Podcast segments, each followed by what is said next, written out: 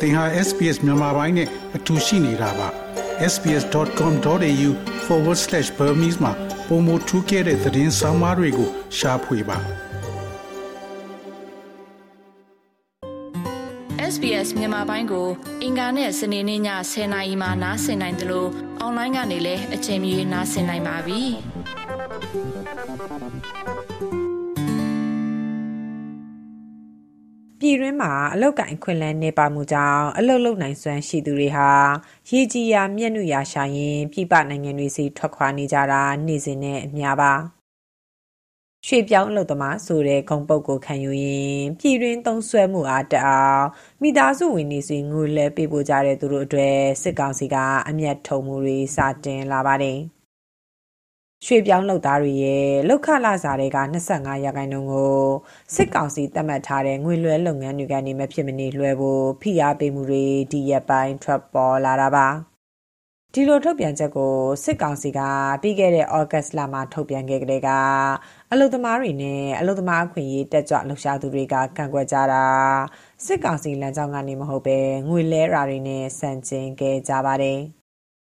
ဒါကြောင့်အခုလအစောပိုင်းမှာပဲစစ်ကောင်စီရဲ့အလုသမားရေးရာဝန်ကြီးက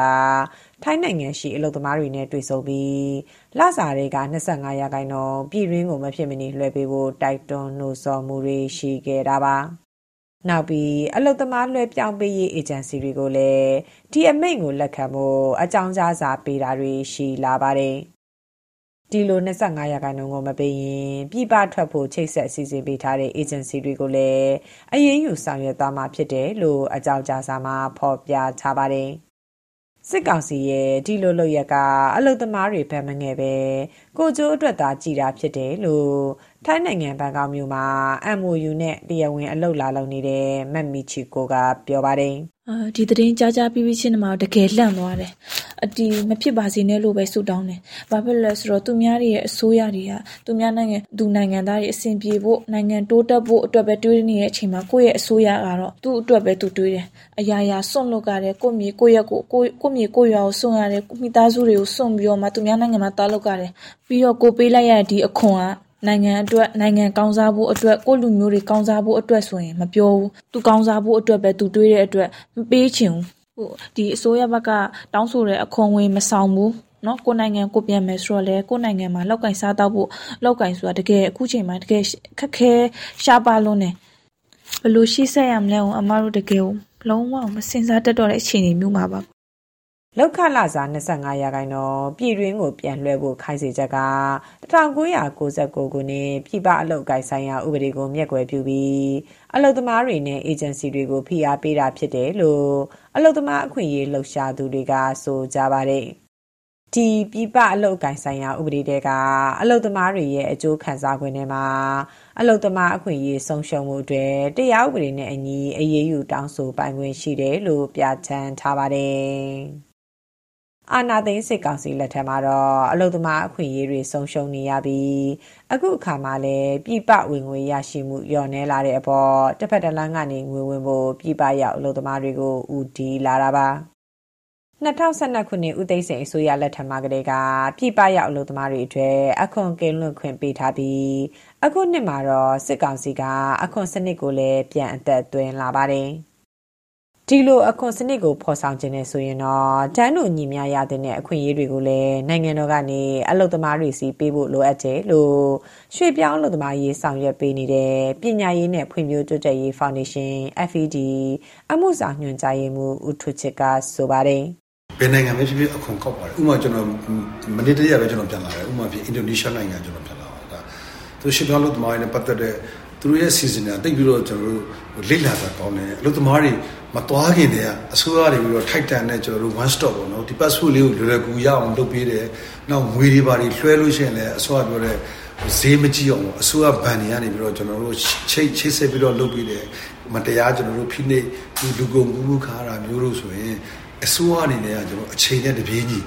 ကူညီဆောင်ရွက်ပေးတာမျိုးတွေကျွန်တော်တွေ့ရတယ်ကျွန်တော်ဆိုလိုချင်တာကဒါပါပဲအခွန်အကောက်ချင်းမကောက်ချင်းတဲ့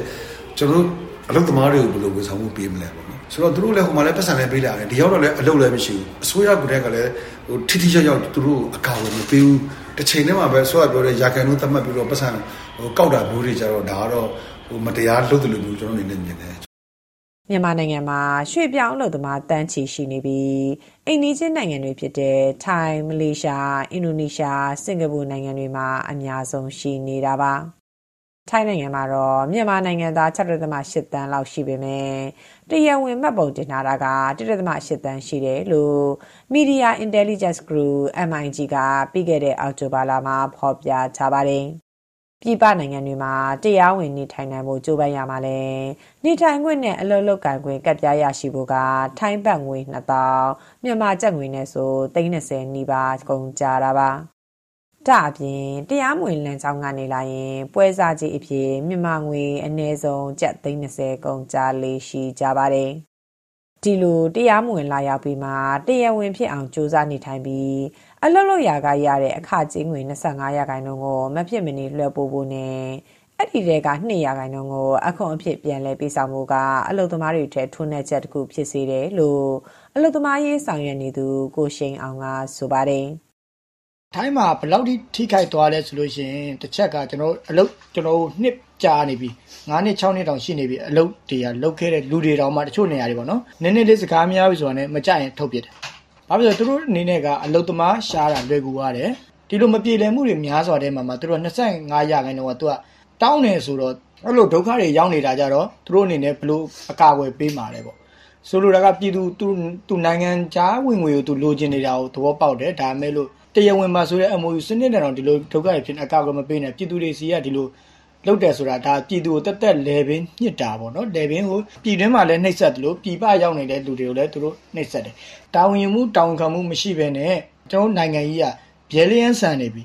အာနာသိမ့်ပြီးနောက်စီးပွားရေးနှိမ့်ကျမှုတွေကြောင့်အလောက်ကိုင်ခွင့်လန်းတွေရှားပါနေပြီးကုန်စည်နှုန်းကြီးမြင့်မှုတွေကိုရင်ဆိုင်ကြုံတွေ့နေရတဲ့အတွက်ပြည်ပနိုင်ငံအတွက်အလုပ်လုပ်ကိုင်သူ3တန်းကျော်ရှိတယ်လို့လည်းအလုပ်သမားအခွင့်အရေးလှုပ်ရှားသူတွေကဆိုကြပါတယ်။မြန်မာနိုင်ငံလူဦးရေ40ရာခိုင်နှုန်းကျော်ကစင်ရဲမွဲတေမှုမြင့်အောင်ရောက်နေကြတဲ့အတွက်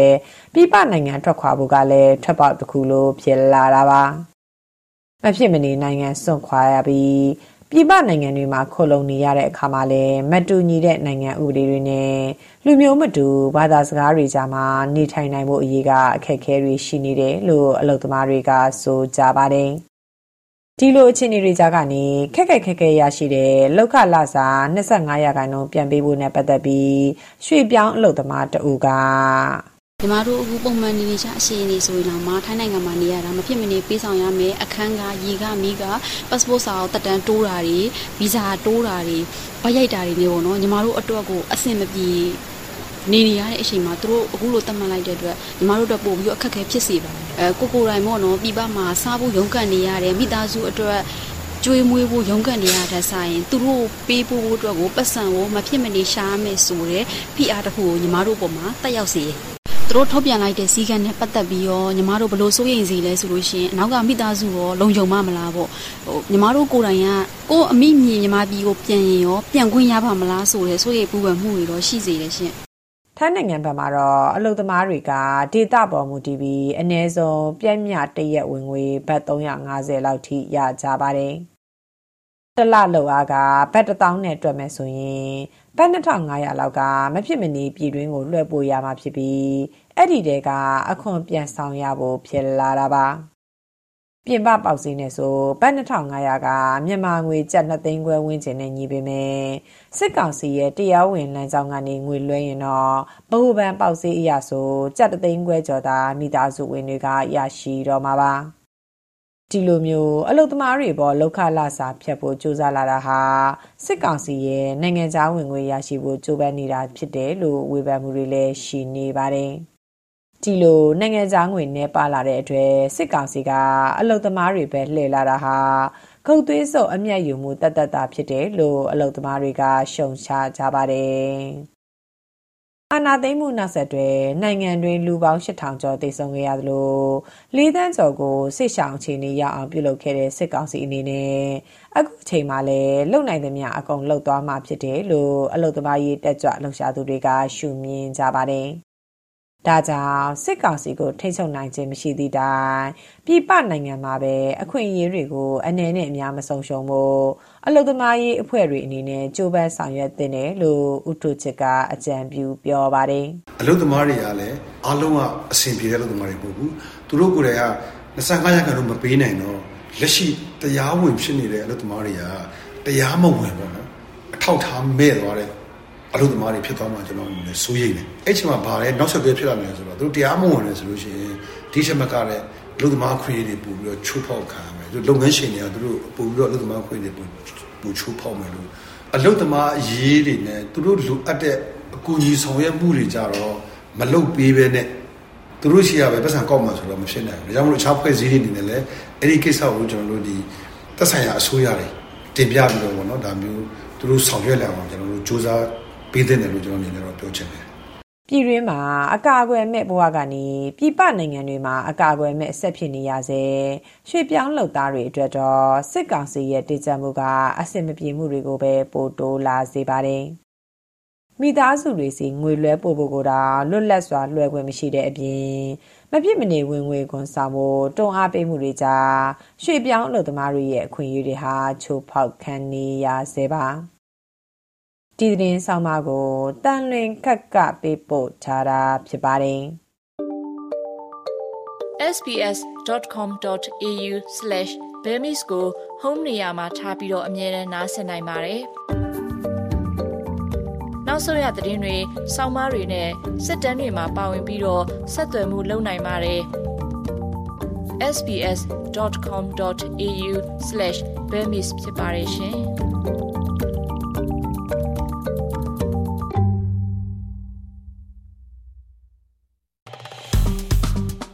SPS မြန်မာပိုင်းကို Facebook ပေါ်မှာ like ရှာပြီး like မျှဝေမှတ်ချက်ပေးပါ